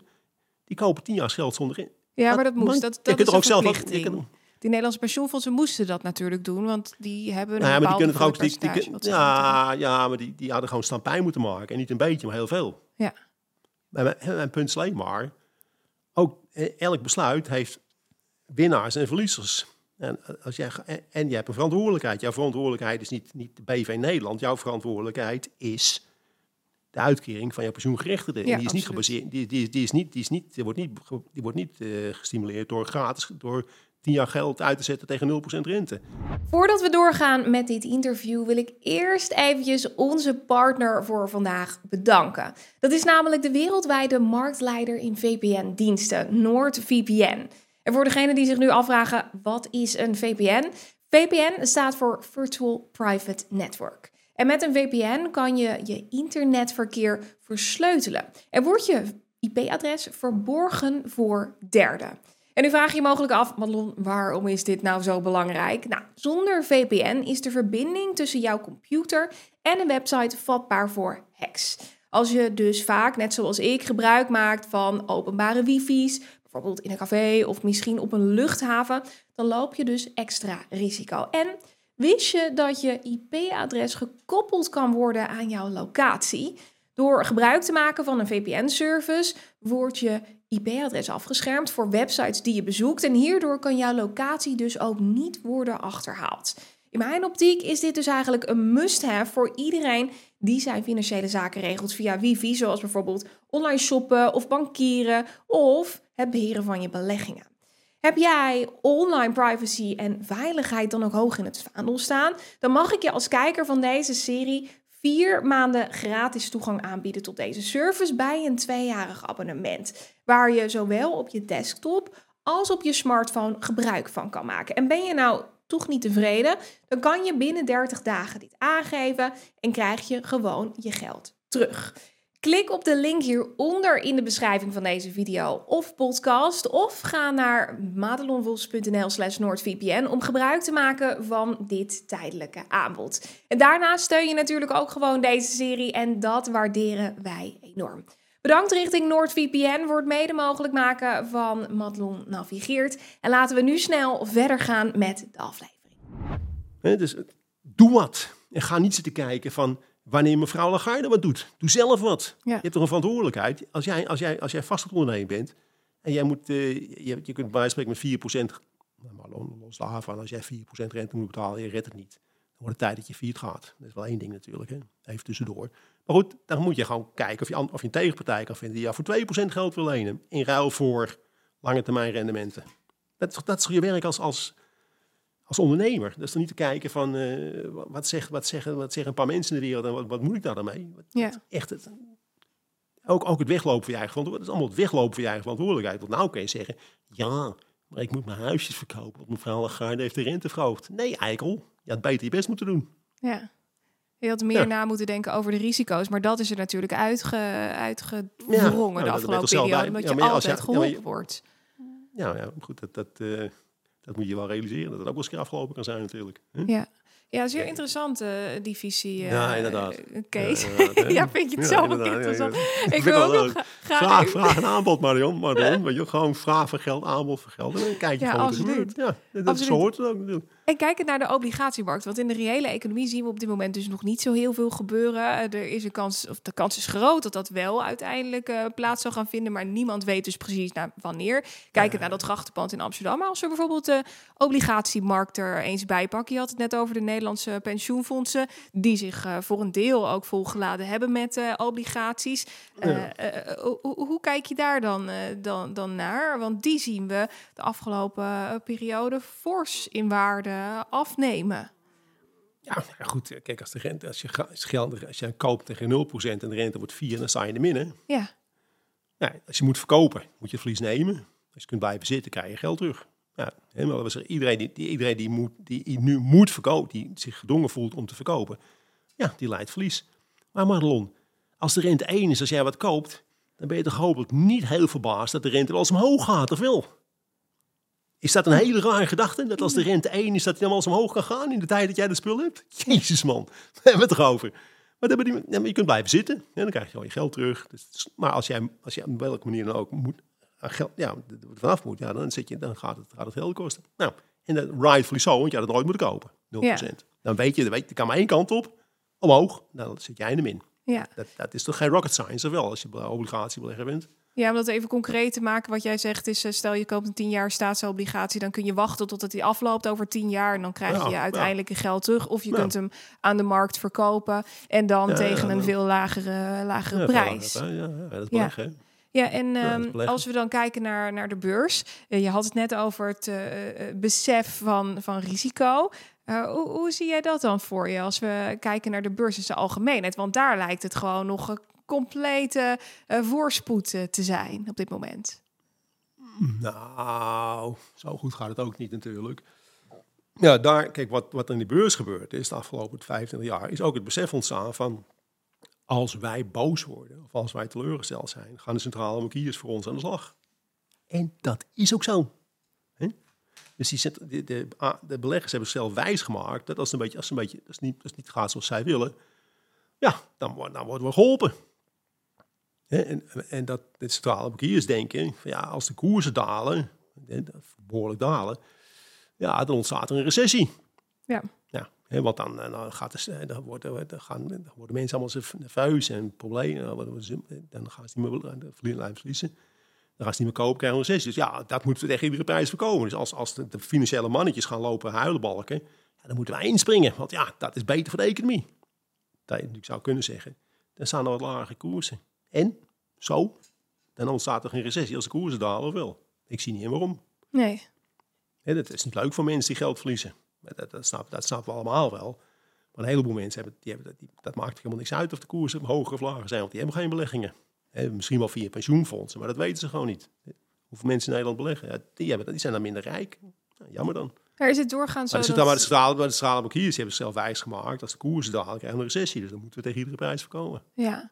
Is het doorgaan Ja, zo dat, ze de, dat, vriend. Dat de financiële markten voorop gaan als het gaat over eh, het eventuele per- perspectief of, of, of hè, kijkend naar een eventuele recessie? Of is het zo dat de economie voorop gaat en dat het eh, in elkaar overgaat? Want de afgelopen periode hebben we twee compleet verschillende werelden gezien, als je het mij vraagt. Ja, al, laten we zo zeggen, Madelon, in de oldschool belegger, hè, dan lopen de koersen vooruit op de economie. Oldschool, hè? Doen we niet meer. Ouderwets. Maakt niks meer uit. Er is geen verband meer tussen. Ja. Want Madelon, je kunt toch niet zeggen dat de dat, wat- dat is al een jaartje wat aan de gang, dat de vooruitzichten van de economie beter worden. Nou, maar probeer mij nou uit te leggen waarom de AX niet lager staat. Nee, dat hoeft ook niet meer, want als wij gaan lopen janken, gaat Christine wat doen voor ons. Ja. Niet, niet dat maar dat geloven wij dan. En dus het hele, dat hele oldschool beleggen, dat je gewoon verantwoordelijk bent voor je eigen, voor je, eigen- voor, je eigen standpunten en daar de consequenties van moet accepteren. Dat doen we niet meer. Dat, dat is echt, dat is voltooid verleden tijd. We kijken, nou, we gaan, eh, een traantje pinken en dan wordt iemand nerveus en die gaat, die, gaat, die gaat dan iets doen om ons te helpen. Dus dat verband tussen financiële markt en economie, nou, dat, dat, is, dat is een heel, eind- heel eind verdwenen. Ja, dus eigenlijk is dat besef het is ook de- helemaal niet bij beleggers. Dat, dat er risico zou kunnen dat- ontstaan. Nou, nou, nou, maar dat, dat is kijk, als je gewoon, eh, moet je voorstellen, laten we zeggen, old school is een beetje geëindigd in, in 2006, 2007. Dus iedereen die de afgelopen 15, 15, 20 jaar in de financiële markt terecht is gekomen, heeft alleen maar meegemaakt dat hij geholpen werd. Ja. Nou, ja, dus als dat jouw mindset is, dat het alleen maar met, met fluctuatie natuurlijk, hè, het is niet één grote rechte lijn, het gaat dan, dan, dan, ja, dan, denk, dan denk je dat dat maakt niet uit. Hè. Die, die, hele, die, hele, die hele, de hele beleggingscommunity is natuurlijk heel erg veranderd de afgelopen 30, 40 jaar. Is, en de afgelopen 25 jaar heeft het gewoon nooit tegengezeten aan de hand. Ja, dus als jij, als jij 40 bent hè, en dan zegt Kees de Kort, dat was omlaag gegaan. Dan denk je, ja, wie is die oude lul, weet je wel? Ja. Ja, het, gaat al, het gaat al 20 jaar, zolang ik werk gaat het goed. Ja, En als, als het niet meer werkt, dan worden we geholpen door mevrouw, eh, mevrouw Lagarde. Dus ja, ja. Die grijze duiven, dat zijn old school jongens. Die, dat, dat, doen we niet meer. Wij, wij hebben moderne beleggen uitgevonden. Dus Ja. dat is geen enkele... Geen enkele hè, dus het denken over risico's is in de loop door dat gratis geld enorm veranderd.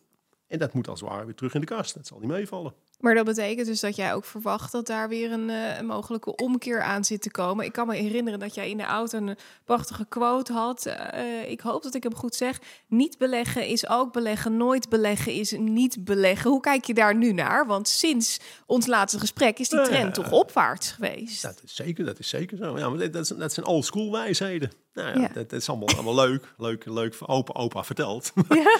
Wel, dat doen wij niet meer. Ja. Dus ja, de vraag is dan of, of dat hè, of, of oldschool weer terugkomt of niet. Maar voorlop, nee, voorlopig is daar natuurlijk totaal geen sprake van. Nou, Ja, dat is heel interessant. Want ik merk dat je een, Maar- een maar stuk zeggen, minder wat- negatief maar dat- pessimistisch bent dan, dan nou destijds. Ja, ja, ja, ja, dat is gewoon... Kijk, wat ik al zei, die, die, hè, vroeger had je veel meer verband tussen de, de omvang van de financiële economie en de reële economie. Dat is gewoon verdwenen. De financiële wereld, de financiële economie is een wereld op zichzelf geworden. Ja. Hè, de- er wordt wel een beetje gepraat over verband met de economie. Maar als je erover nadenkt wat er dan gezegd wordt, is eigenlijk allemaal, allemaal gelul. Dit is gewoon een beetje, wij pompen, romp, hompen, tompen een beetje met elkaar spulletjes rond. En dan, het de renteverhaal, mevrouw, meneer Powell, mevrouw Lagarde en, de economie, ja, daar- nou, wordt er wel over gepraat, maar dat heeft eigenlijk heeft niet zoveel relevantie meer. Als je, vroeg, als je vroeger als de krant las, had je hele verhaal over bedrijfsontwikkelingen, resultaatontwikkelingen, waarderingen. Ja. Nogmaals, een beetje, beetje rondpompen van dingetjes. En kijken van, nou, wat, wat, is, wat is de volgende wat omhoog gaat? Waar, waar is een echte verhaal? Is er een verhaal? Dan, gaan, dan duiken we erin. Is het verhaal weg? Dan duiken we en dan van stappen we eruit. Ja. Maar het verband tussen de economie en eh, de financiële markt is denk ik in ieder geval voorlopig rel- rel- relatief eh, v- vrij ver weg. Ja, je kan weer spreekt dan terugkomen, nu maar goed. Je, je spreekt dan nu bijvoorbeeld over de koers-winstverhoudingen die compleet uit het lood zijn. Maar als, Ja. je, als je kijkt naar eh, hoe beleggen eigenlijk de afgelopen jaren of tientallen jaren voor steeds meer mensen toegankelijk geworden is, zou dat dan ook een belangrijke factor hierin eh, kunnen spelen? Dat het dat de Nou ja, dat- particulier gewoon toegang heeft tot de financiële markten. En vrij gemakkelijk dat- ook inmiddels via dat, apps heeft, dat, heeft natuurlijk al, dat heeft, natuurlijk, heeft natuurlijk altijd wel gehad. Alleen ja, nou kun je het allemaal zelf uitmaken. Ja. Het gaat, ja. Ja, ja de- laten we zeggen, de democratisering van het beleggen heeft er ook toe geleid dat een heleboel mensen, ja, je hoeft geen verstand. Kijk, het punt is money talks. eh, meer smaken zijn niet. Weet je, kunt ermee verdienen. Nou, en waarom je mee verdient, dat, met die bitcoins ook. Het gaat omhoog, nou, dan spring je op die trein. En dat, nou, dat, dat is legitiem. Dat is gewoon, ja, dat mag. Ja, pas op hoor, Pas op, pas op. Ja, nu kom je in mijn... ja, in mijn terrein. als we, als we het gaan hebben over het gaat omhoog en je springt op de trein, nou, die mening deel ik niet helemaal. Nee, nee, nee. Maar goed, dat is met beleggen. Het is heel makkelijk om iets te kopen en te verkopen. Ja, dat is zeker waar. Je kunt het in je eentje doen. Je hebt, je hebt geen adviseur meer nodig. Je hebt geen, geen, niemand meer nodig. Dus ja, als, als jij denkt, als iemand tegen jou zegt van nou, eh, pak een beet. eh, wat is nou? eh Nvidia gaat, gaat omhoog. Nou, dan, dan kun je, kun, je, kun, je, kun je er ook in duiken. Waarom niet? Ja, En je kunt ook met hele kleine bedragen beginnen. Maakt allemaal niks uit. Weet je wel? Dus het is, het is erg, erg veel makkelijker geworden. Maar het heeft ook heel veel... En het is ook een tijdje lang goed gegaan. Dus dat trekt ook weer mensen aan. Dan wil ik het ook wel een beetje, ook wel een keer proberen. Ja. En dan gaan we gewoon wat doen. En als het een beetje omhoog gaat, nou, dan ben ik de deskundige. Hè, dan ga je, het punt met, met de psychologie is natuurlijk ook zo. Mensen praten alleen over hun successen. Met, als het misgaat, hoor je niemand meer. Dus in, in, de, in, in de vriendenkringen, waar het enthousiasme vandaan moet komen, hoor je alleen maar de grote verhalen van. Ik heb, ik heb eh, vakantie verdiend, weet je wel. Ik, heb, eh, ik kan hem eh, leuke, leuke, le- le- mooie dingen kopen. Dat, nou, en als dat misgaat, hoor je niemand meer natuurlijk. Hè. Dus Ja, want de dus- psychologie is ook... Het is makkelijker geworden. De psychologie is anders. Er wordt ook niet meer over geschreven en, Ja. en gesproken. Vroeger had je natuurlijk een heleboel TV-programma's en, en dingen en tv en krant waar echt veel serieus bezaken dingen. Is ook allemaal niet meer zo. Ja, gewoon, ja, we moeten gaan gewoon doen wat iedereen doet. Ja, maar er zijn wel perioden in de geschiedenis geweest dat eh, financiële markten ook toegankelijk waren. Eh, Dan wel voor de rijkeren onder ons, maar waarin eh, toch wel de trend negatief was. Of misschien op de lange termijn zijwaarts pak een beetje. Periode van 2000 tot 2015, waarin we nou ja, toch wel een koersverschil hebben gezien die nou, behoorlijk daalde. Twee, tot twee keer toe in 2000 en 2008 met pak een beet 50% daling. Voordat die koers weer op het niveau van 2000 was, heeft het 15 jaar geduurd. Dus er zijn wel voorbeelden in de geschiedenis. Denk aan de jaren 70, 80, waarbij trends, langetermijn trends op de financiële markten ook tegen je kunnen keren. Ja, en als we dan- dat, maar dat, dat, Ja, dat kan natuurlijk nog steeds. ja precies. Alleen ja, wa- wanneer gebeurt wat? Wat is het kantelmoment? Kijk, Ja. toen in 2000 had je toch, hoe heette dat, eh, dat Nederlands IT van dat Nederlands Och. Ja, mevrouw Brink, mevrouw Brink. ja Nina Brink dat? was dat. Ja, maar dat was de, de eigenaar, hoe heet dat bedrijf? Ehm, was het World Nou, je- Online? World Online. Weet je wel, dat was heel erg opgelopen. Tech, tech, tech. Ja. eh, weet je wel, eh, internet, internet, internet. Dat, dat was stratosferische waarderingen. En toen was er op dan is er een moment dat het kantelt. Ja. Ja, en, dan, dan, dan gaan we weer allemaal, gaan ieder geval een aantal mensen eens kijken, wat hebben we gedaan? Dan krijg je die reactie. Dus dat, dat kan natuurlijk nog steeds. Dat is altijd dat is van alle tijd. Alleen, dat wordt, wordt er nog serieus overleg gepraat. En niet door veel mensen meer. Mhm. En er wordt heel veel belegd en niet- door niet veel mensen serieus over gepraat. Dus ja, het kan natuurlijk makkelijk een keer gebeuren dat, dat er weer zo'n reactie gaat komen. Ja, maar we hebben bijvoorbeeld afgelopen jaar gezien dat er eh, Ah. banken omvielen. En toch reageerde die markt uiteindelijk weer positief. Dus dan vraag je je bijna Ja, af, ja. wat is dan die, of wat zou die katalysator ja, kunnen zijn? Eh, die renteverhogingen, die hadden wat kunnen doen. Kijkend naar de jaren zeventig. Eh, als ik die periode analyseer, dan toevallig afgelopen week dat er een uitspraak van Klaas Knot was, de president van de Nederlandse Bank natuurlijk, die aangaf: ja, we zitten nu in een periode van stagflatie. En stagflatie is natuurlijk het moment waarop de economische groei zijwaarts gaat, of misschien zelfs wel een beetje neerwaarts beweegt, en waarbij de inflatie relatief gezien hoog is of zelfs, eh, zelfs toeneemt. En ik vond het een hele interessante uitspraak, omdat voor centraal bankiers stagflatie natuurlijk de nachtmerrie is. Daar valt eigenlijk geen beleid eh, op te voeren. Maar hij maakte één kanttekening. En de kanttekening was dat de werkloosheid heel erg laag was. Dus eigenlijk zei hij, ja, we zitten met een probleem, dat is stagflatie. Maar tegelijkertijd is de werkloosheid heel erg laag. En dan ga je natuurlijk kijken in de geschiedenis van nou, wat, voor, wat voor voorbeelden hebben we van perioden waarin we dat ook gezien hebben.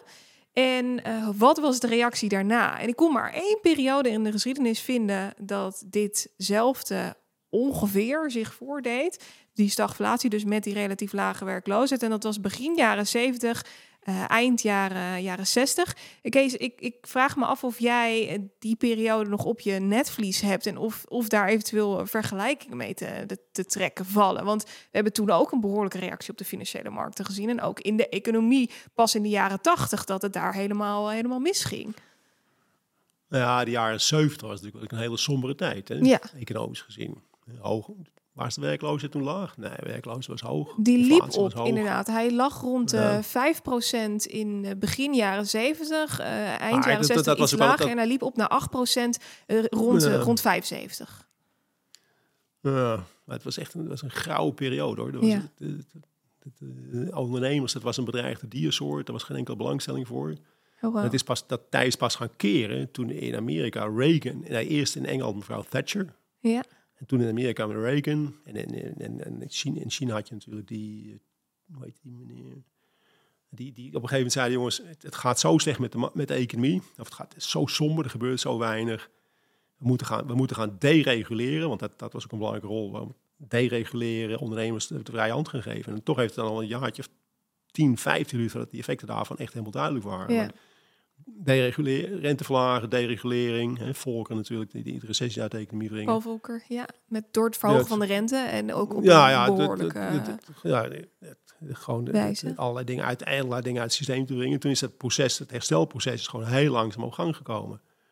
Toen, toen was de rente echt, eh, echt eh, 12. 12, 13 procent. Nou, dat, dat was wat ik net al zei, de staatslening was nou, die, 12, drie kwart geweest. Ja. En dat, dat is natuurlijk, dat, hè, waarom is de economisch ook lang, zo lang zo goed gegaan? Omdat er gedereguleerd werd, er werd meer samengewerkt, internationalisering van het bedrijfsleven, meer landen in het economisch proces opnemen, samenwerken. Dus die rente is van 12, drie kwart naar pak een beetje 3, 4 gegaan. Ja, dat heeft en we zijn we gaan samenwerken met mensen, internationale arbeidsverdeling. Dus heeft die welvaart enorm gestimuleerd. Maar de, de, de, de draai was ook mevrouw Thatcher die gewoon zei in Engeland, jongens, zo kan het niet meer. Het moet echt serieus anders. Reagan is op de trein gesprongen. Die, die Chinese meneer, Deng Xiaoping, die op een gegeven moment zei... Het maakt niet uit of een kat wit of zwart is als hij mijn muizen vangt. Dat is een heel... Ik kom de uitzending heel eventjes onderbreken... omdat ik graag iets met je wil delen. Want tot op de dag van vandaag vind ik het nog steeds verbazingwekkend... dat we op school nauwelijks iets leren over het ontstaan van geld en haar waarde. Over het vertrouwen in centrale banken en commerciële banken. Over het beheren van je persoonlijke financiën, het aangaan van schuld, het opbouwen van vermogen en hoe te zorgen voor een goed pensioen. Al deze onderwerpen komen nauwelijks tot niet aan bod op school of tijdens je studie. En terwijl dit juist cruciale kennis is, die jou een enorme voorsprong kan bieden en je kan helpen op het pad richting financiële rust. Middels deze video's probeer ik mijn steentje bij te dragen in Nederland, maar ook in België.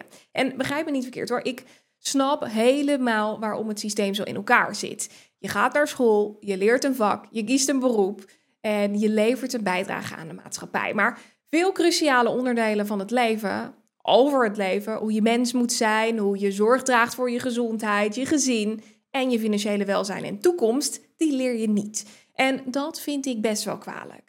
Daarom heb ik het heft in eigen handen genomen en een compleet gratis masterclass ontwikkeld waarin je in zeven stappen leert hoe je het pad richting financiële rust kan bewandelen, ongeacht hoe oud je bent, wat voor budget je hebt en of je nou ervaring hebt of niet. Wil je nou meer leren over deze materie? Ga dan naar de link hier onder deze video of onder de podcast in de beschrijving of naar madelonvos.nl slash masterclass om deze tijdelijk gratis te kunnen bekijken. En dan gaan we nu snel door naar de video. Maar dat kun je die, meer, die tijd kun je niet meer vergelijken met nu natuurlijk. Dat is natuurlijk, heel veel, eh, het ziet er al wel anders uit. Maar wat jij net zegt, je noemt dan de rente of die, die banken omvallen. Ja, de, band tussen de financiële wereld en de, en de economische wereld, hè, dat de financiële wereld kijkt naar de economie, wat er gebeurt, die, die is heel ver doorgesneden. In ieder geval, in ieder geval tijdelijk. Dat dat soort dingen niet meer uitmaakt, ja, dat geeft natuurlijk zwaar te denken. Ja, de vraag is of dat nog terugkomt. Ik zou zeggen van wel, maar ja, dat, maar wanneer? Die, die, die periodes, periodes dat er rare dingen gebeuren, kunnen vrij lang duren. Tot er op als waar op een of andere manier een grens gepasseerd wordt. En dan gaat iedereen nou, kijken van wat, wat dachten wij nou eigenlijk? Ja. Wisten wij iets van de video af? Wisten wij iets van, nee, nou, nee we hebben het dan gekocht, dat weten wij ook niet meer. Ja. Maar dat, tot nu toe is, is nou, bevestigen we elkaar dat we allemaal vrij goed bezig zijn. En dat, dat kan, ja, in normale omstandigheden. Maar dan, het punt is natuurlijk wel, die financiële, financiële moet veel kleiner worden. En dan krijg je een politieke proces. Kleiner worden betekent verlies nemen. Verliezen. Met verlies word ik financiële zeker kleiner. Mm veel, niet een beetje verlies, maar veel verliezen. Dus ja, dan gaat iedereen zich tegen verzetten. want niemand wil verlies nemen. Dus als, als, mis, als het misdreigt te gaan, worden mensen extreem veel creatiever dan als het goed gaat goed gaat, doen we gewoon wat iedereen doet. Als het misgaat, gaan we echt nadenken. En dat proces, dat, dat uitstellen van mogelijke verlies nemen, dat, dat speelt een hele belangrijke rol. En wat, wat bedoel je dan precies met het verlies nemen? Want ik zou bijna zeggen nou dat beleggers het over het algemeen, behalve op de obligatiemarkt, vrij goed nou gedaan hebben. Ja, nee, maar, maar er is, we hebben het net over allerlei bubbels in de huizenmarkt bijvoorbeeld. Ja. Huizenmarkt, aandelenmarkt. Nou, en, en, en kredietverlening. Weet je wel, bedrijven moeten, er moet een heleboel bedrijven failliet gaan beter. Dat, dat gaat, er moet veel geld, in essentie moet de, de, de, financiële sector moet als ware weer in relatie komen met de economie. Nou, dan moet heel veel, heel veel verdwijnen. Dat betekent dat er verliezen geleden gaan worden. Ja, dat wil niemand. dus er is een enorme bereidheid om nog even de andere kant op te kijken. Ja. Om te kijken, want misschien komt het wel goed. En dat mechanisme. voor, voor, de, voor de wereld, voor de financiële sector, is wel beter als, als we verlies worden genomen. Dan kunnen we opnieuw beginnen. Ja, wie gaat dat verlies nemen? degene die dat, ja, dus ook het politieke proces, dat al en alles wordt gedaan om af te voorkomen dat we, dat, verlies, dat we die verliezen moeten gaan nemen. Ja. Die, weer een maatregel nemen, toch weer proberen. Je weet maar nooit, misschien komt het wel goed. Want we hopen allemaal dat in de tussentijd dat die economie zo hard groeit en daarmee zo goed gaat, dat, dat we die financiële sector kunnen onderhouden. Ja. Dus we gaan voor tijd en we hopen dat het goed komt. Ja. En we zijn heel creatief in het voor tijd gaan. Het nemen van maatregelen, die het nemen van verliezen uitstellen. Je had het onlangs over eh, delay and pray. En Nou ja, onlangs. Ja, dat, dat, dat zijn, Al een hele poos.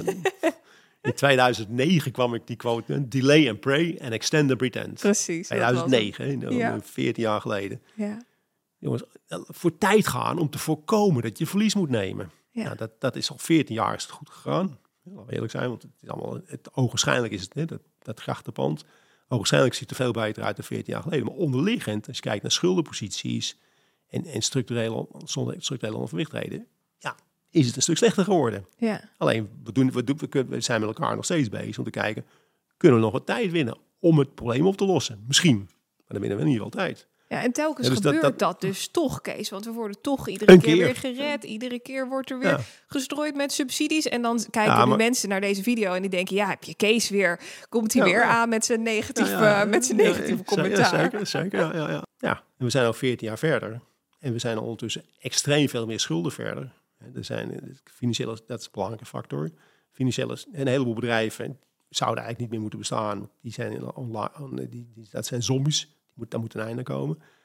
Eh, het financiële stelsel is kwetsbaarder geworden op allerlei plaatsen in de loop van de tijd. De geo- dus de geopolitieke omstandigheden zijn in vergelijking met een jaartje 15 op dit afgelopen jaar een stuk onprettiger geworden. Mhm. Kortom, er zijn een aan, hè, als je gewoon, we zitten hier in een eh, prachtige eh, boot in, in Amsterdamse grachten, dus daar heb je nergens last van. Maar die, dat, dat is jezelf voor de gek houden natuurlijk. Hè. Onderliggend zijn er gewoon een aantal dingen die, die, die groter en groter worden. Alleen de bereidheid om het te accepteren is minimaal en de bereidheid om te kijken of we nog tijd kunnen winnen is maximaal. Dus dat proces zit er ook wel een beetje in. En stel jij dan ook dat uiteindelijk de financiële markten en de economie weer wat dichter naar elkaar toe moeten bewegen? Dus dat je reële koers-winstverhoudingen krijgt, dat je reële verhoudingen tot elkaar eh, weer terug gaat zien? Of is dit iets wat blijvend is, die, die, ja, die verschillen in, in correlatie? Ja, de, de, vraag is, de, vraag is meer van, kan, die financiële, kan dat financiële water over blijven bestaan? Ja, kunnen we met elkaar blijven volhouden dat we gewoon met elkaar maar een beetje moeten rompetompen met, met financiële producten en met financiële dingetjes. Dat we dan geen gezeik, iedereen rijk. ja, Kun je kun je voorstellen dat, dat we gewoon een wereld krijgen waarin men- men- mensen een beetje rondpompen en kopen en verkopen, iedereen blij. En dat de economie sukkelt een beetje door en daarboven is dan een wereld van nou, wat ik al zei, geen gezeik, iedereen rijk. Dat Ja. lijkt mij eerlijk gezegd, dat lijkt mij eerlijk gezegd sterk dat dat kan blijven duren. Maar het duurt al een hele tijd. En, en- en nogmaals, de bereidheid om, om gaan, om, om er wat aan te doen is natuurlijk vrij minimaal. Want als je er wat aan gaat doen, dan, gaan, dan, moet iedereen, dan gaan we gewoon, kijk, dan, wat je dan krijgt, dan moeten de verliezen verdeeld worden. Nou, Madelon, het verdelen van winst is al heel moeilijk. Hè? Dan zit iedereen te zuren, ik heb, ik, ik heb recht op meer dan ik recht heb. Maar het verdelen van verliezen is nog veel moeilijker. En dat, dat, dat proces, we moeten gewoon accepteren. Als we dat gaan accepteren, dat we verliezen moeten gaan verdelen. Eerst moeten we accepteren, daar begint het mee. Dat is al niet makkelijk, want dat willen we niet. Dan krijgen we nog het probleem van, wie gaat wat, welk verlies nemen? Ja, dat wordt een ontzaglijke eh, hoop gedoe en ellende natuurlijk. Dus de, de, de, de, psycholo- de bereidheid. Je moet kijken, beleggen is ook heel, dat weet je natuurlijk zelf als geen ander, dat beleggen ook een heel veel psychologie is. En accepteren wat er aan de hand is. ja, Ja, en, en, en als onprettige dingen, die worden niet snel geaccepteerd. Dan gaan we toch kijken van, kunnen we nog iets bedenken? Nou, en, en nogmaals, mensen zijn heel creatief als het misgaat. Dus dan gaan we nog een keer wat bedenken. Kijk, dat doet, doet me weer denken aan die, die negatieve rente van een paar jaar geleden. Het was ondenkbaar. Het was er gewoon. En, we konden het, en, en allerlei mensen konden er prima mee leven. Ja, hè, het was echt ondenkbaar. Hè? En het was er gewoon. Mhm. Dus ja, dat, dat geldt nou ook. Allerlei dingen, dat, je kunt zeggen, het is ondenkbaar. Ja, dat, dat zeg je nou wel, Kees. Maar we gaan toch iets bedenken om het mogelijk, om het gewoon, Ja. om, om, het- om, om acceptatie vooruit te schuiven. Dus die bal wordt steeds Ja. verder vooruitgeschopt. En dat is eigenlijk En, die, en, wordt steeds, ja, nou ja, die bal wordt ook steeds groter. Die, die- laten we zeggen, als je de financiële sector ziet als bal, dan, wordt, dan is die gewoon onvergelijkbaar veel groter dan 10, 15 jaar geleden. Maar de financiële sector moet wel, hè, de, daarom was er vroeger altijd een verband tussen de financiële sector en de economie, want de financiële sector moest gedragen worden door de economie. Daar moest de rente, moest al, dat, dat was de basis. Dus die bal kun je wel groter maken. De economie is ook wel iets groter dan 15 jaar geleden opgeteld. Maar de financiële sector is extreem veel groter dan 15 jaar geleden. Dus wat, wat wordt de basis van die, van die financiële sector dan? Ja. Die wordt kleiner. Nee, die, die wordt, die, dat verband is weg. Krimpt. Ja. En ik, nou, ik, en ik, ik, ik kan me niet goed voorstellen dat dat, dat dat kan blijven duren. Maar goed, nogmaals, 15 jaar geleden is eigenlijk al, uh, het wordt, wordt, een langdurig proces. Dus ik heb wel eens vaker naast gezeten. Mm En je pleit tegelijkertijd, uh, Kees, ook nog voor wat anders. Uh, ik merk dat we hier zo nog uren over kunnen doorpraten, maar ik ga alvast rustig aan richting, richting het einde. een van de dingen waar jij vanuit macro-economisch perspectief naar kijkt, is het feit dat modellen die de economen bij de centrale bank gebruiken, gebaseerd zijn op een principe waarvan je zou kunnen zeggen dat is een principe waar we eigenlijk niet meer naar zouden moeten kijken. Uh, zou je dat uiteen kunnen zetten? Ik doel dan op, uh, op uh, onder andere de Homo economicus. Nou ja, kijk, dat beleid van de centrale banken komt. Het is niet zo dat mevrouw Lagarde met de vinger in de lucht staat en te kijken naar de wind komt uit het westen. Dat, dat is allemaal gebaseerd op modellen natuurlijk. Ik denk niet, dat zeggen, weet je, dat zeggen domme mensen. Die zitten ja. echt met elkaar te kijken van hoe, hoe, wat, wat gebeurt er in de economie wat, eh, wat gebeurt er en kunnen we voorspellen wat er gaat gebeuren? En dat, dat is met, met modellen.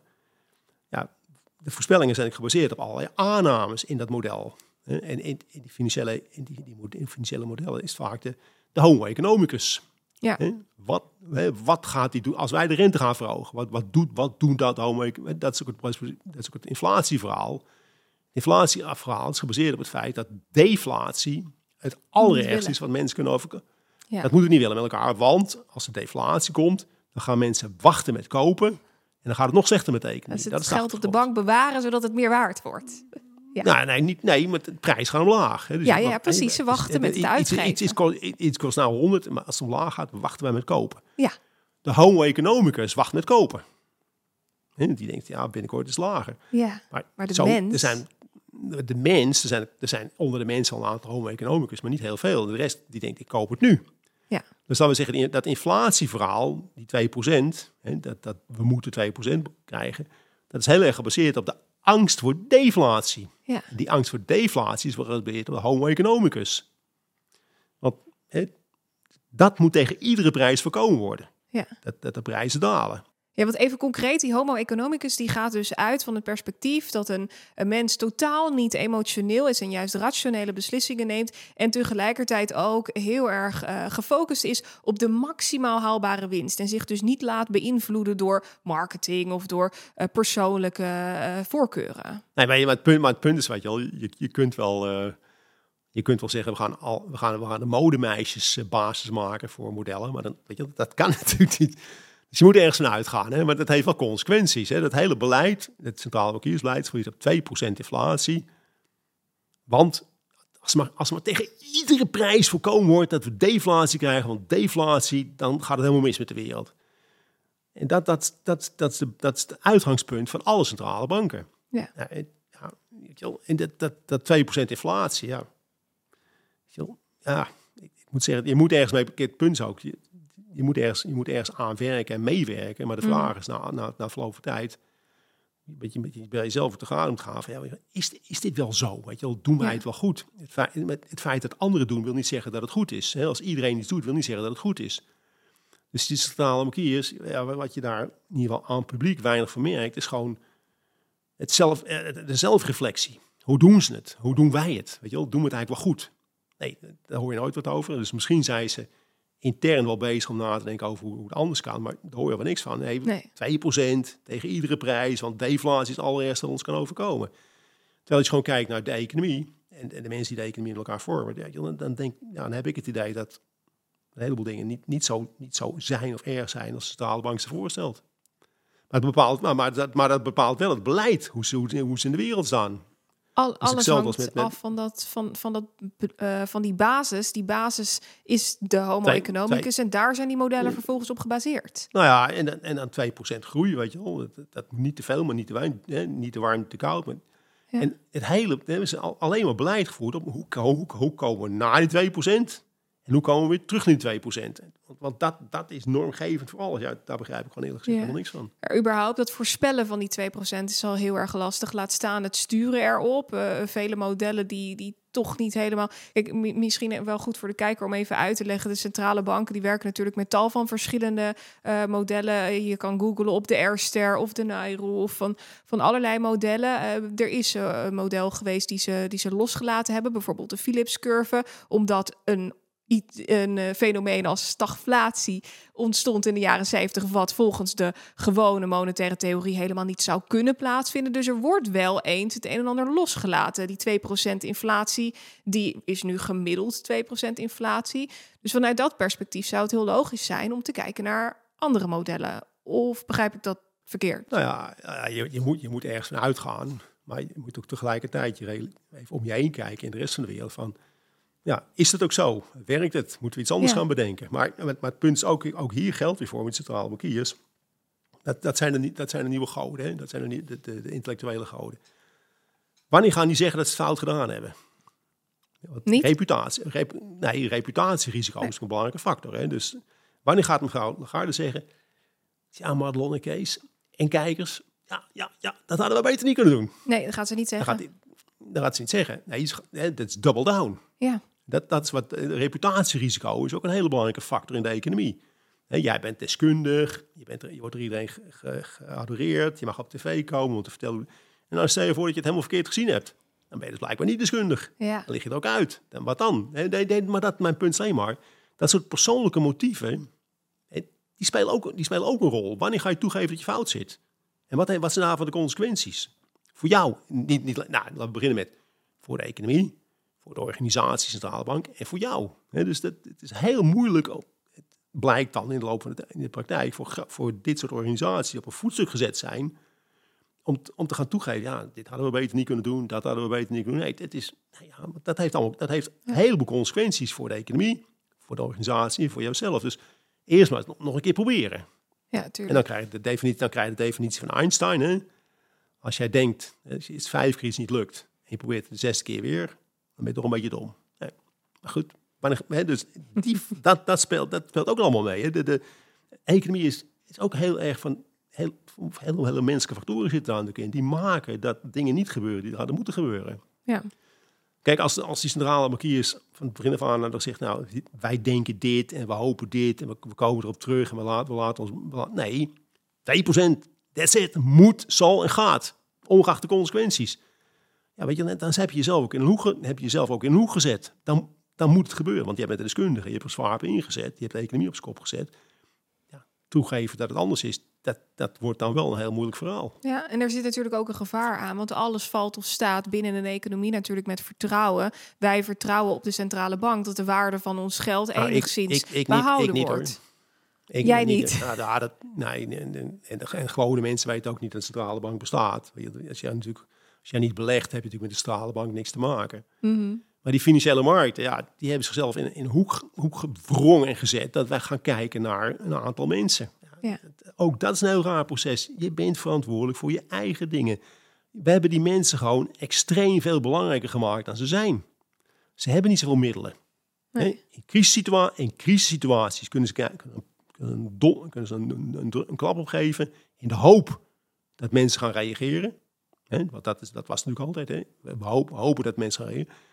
Ja, en als ze dat niet doen. Maar die, die, al die mensen, tenminste die, die mensen die erover gaan, die, die, die zijn allemaal, die hebben zich ook, die hebben gezegd, nou, we gaan naar, naar mevrouw Paul, naar mevrouw Lagarde en meneer Paul kijken. Ja, waarom? Nergens, je kunt er ook zelf je bedenken wat er aan de hand is en daarop handelen, daarop, daarop acteren. Ja, en Dus die, die hè, eh, ze, hebben zichzelf, ze, hebben zichzelf, ze hebben zichzelf groot gemaakt en ze worden nog veel groter gemaakt. Ja, ja. Dat, dat, is- echt een hele ongezonde situatie. Ook iets helemaal ongezond in de vorm van het lerende vermogen. Dat is natuurlijk het hele punt. Hè. Dat- Madelon, het is nooit erg als je fouten maakt. Dat, dat, de wereld is onzeker, de toekomst is onzeker, dus je kunt, je kunt het verkeerd doen. So be it. Maar je moet wel van leren. En, en kijken van wat, waar, waar is misgegaan, wat, hoe gaan we het dan in de toekomst doen. Maar dat, dat gebeurt gewoon niet. Ze blijven in hetzelfde kadertje hangen, terwijl, terwijl duidelijk is dat het niet werkt. Ja. Dat, dat is eigenlijk wat het me meest stoort. En concluderend, uh, Kees, als we dit gehele gesprek proberen samen te vatten, dan zijn er dus eigenlijk volgens jou drie belangrijke trends: hè? het veiligheidsdenken, de e eh, energietransitie, het feit dat de economische eh, groei rustig aan toch wat, wat minder opwaarts gaat dan dat we de afgelopen, nou pak een beet 15 jaar gezien hebben als gevolg van, van die negatieve rente, het geld wat gratis was. Maar jij schetst tegelijkertijd ook het beeld waarin je zegt, ja, die centraal bankiers die zouden eigenlijk overbodig gemaakt moeten worden, want mensen moeten weer zelf nadenken. Is dat een beetje de conclusie nou, van laten zo, het, het, is nog tot, het is nog tot daar toe dat je centrale bankiers houdt hè, voor de banken weet je al, en voor mhm. het uh, geldverkeer. En, en dat ze bij wijze van spreken en macro-economisch proberen te beïnvloeden, dat is ook nog wel te billijken. Alleen gepaste bescheidenheid zou beter zijn. En wij, wij, de samenleving, eh, de, de financiële markten, zouden gewoon moeten kijken, oké, dit vinden zij, zijn goed ingevoerd, deskundige mensen. Hè? Nou, oké, nemen, nemen we mee in de besluitvorming, in, in onze besluitvorming. That's, ja. that's about it. En, en, niet gaan zeggen van, omdat meneer of mevrouw iets zegt, weten wij wat we moeten doen. Nee, dat is de taal, dat is de, de wereld op schop zetten. We moeten weer zelf nadenken, Kees. Ik denk dat dat een nou, mooie conclusie is van dit verhaal. Dat is, vrij, dat is wel vrij belangrijk. Ja, niet, lopen, niet lopen huilen van, met 4% moet ik mijn pandjes verkopen. Yes al. Goed, Kees, we gaan afsluiten. We kunnen hier zo nog uren over doorpraten. Ik wil je ongelooflijk bedanken voor jouw uh, waardevolle inzichten. Ik wil natuurlijk de kijker ook uh, bedanken voor het kijken naar deze aflevering. Laat me ook vooral weten wat je van deze aflevering vond. Dat kun je doen door hieronder in de reacties een uh, reactie achter te laten of door even op het duimpje te klikken. En vergeet niet om je te abonneren op dit kanaal, zodat uh, je de nieuwste afleveringen van Madelon Navigeert uh, gelijk tot je krijgt. Voor nu uh, nogmaals bedankt, Kees bedankt en ik zie je graag weer terug bij een van de volgende afleveringen. Tot dan en een fijne week. Dag. Dag Madelon.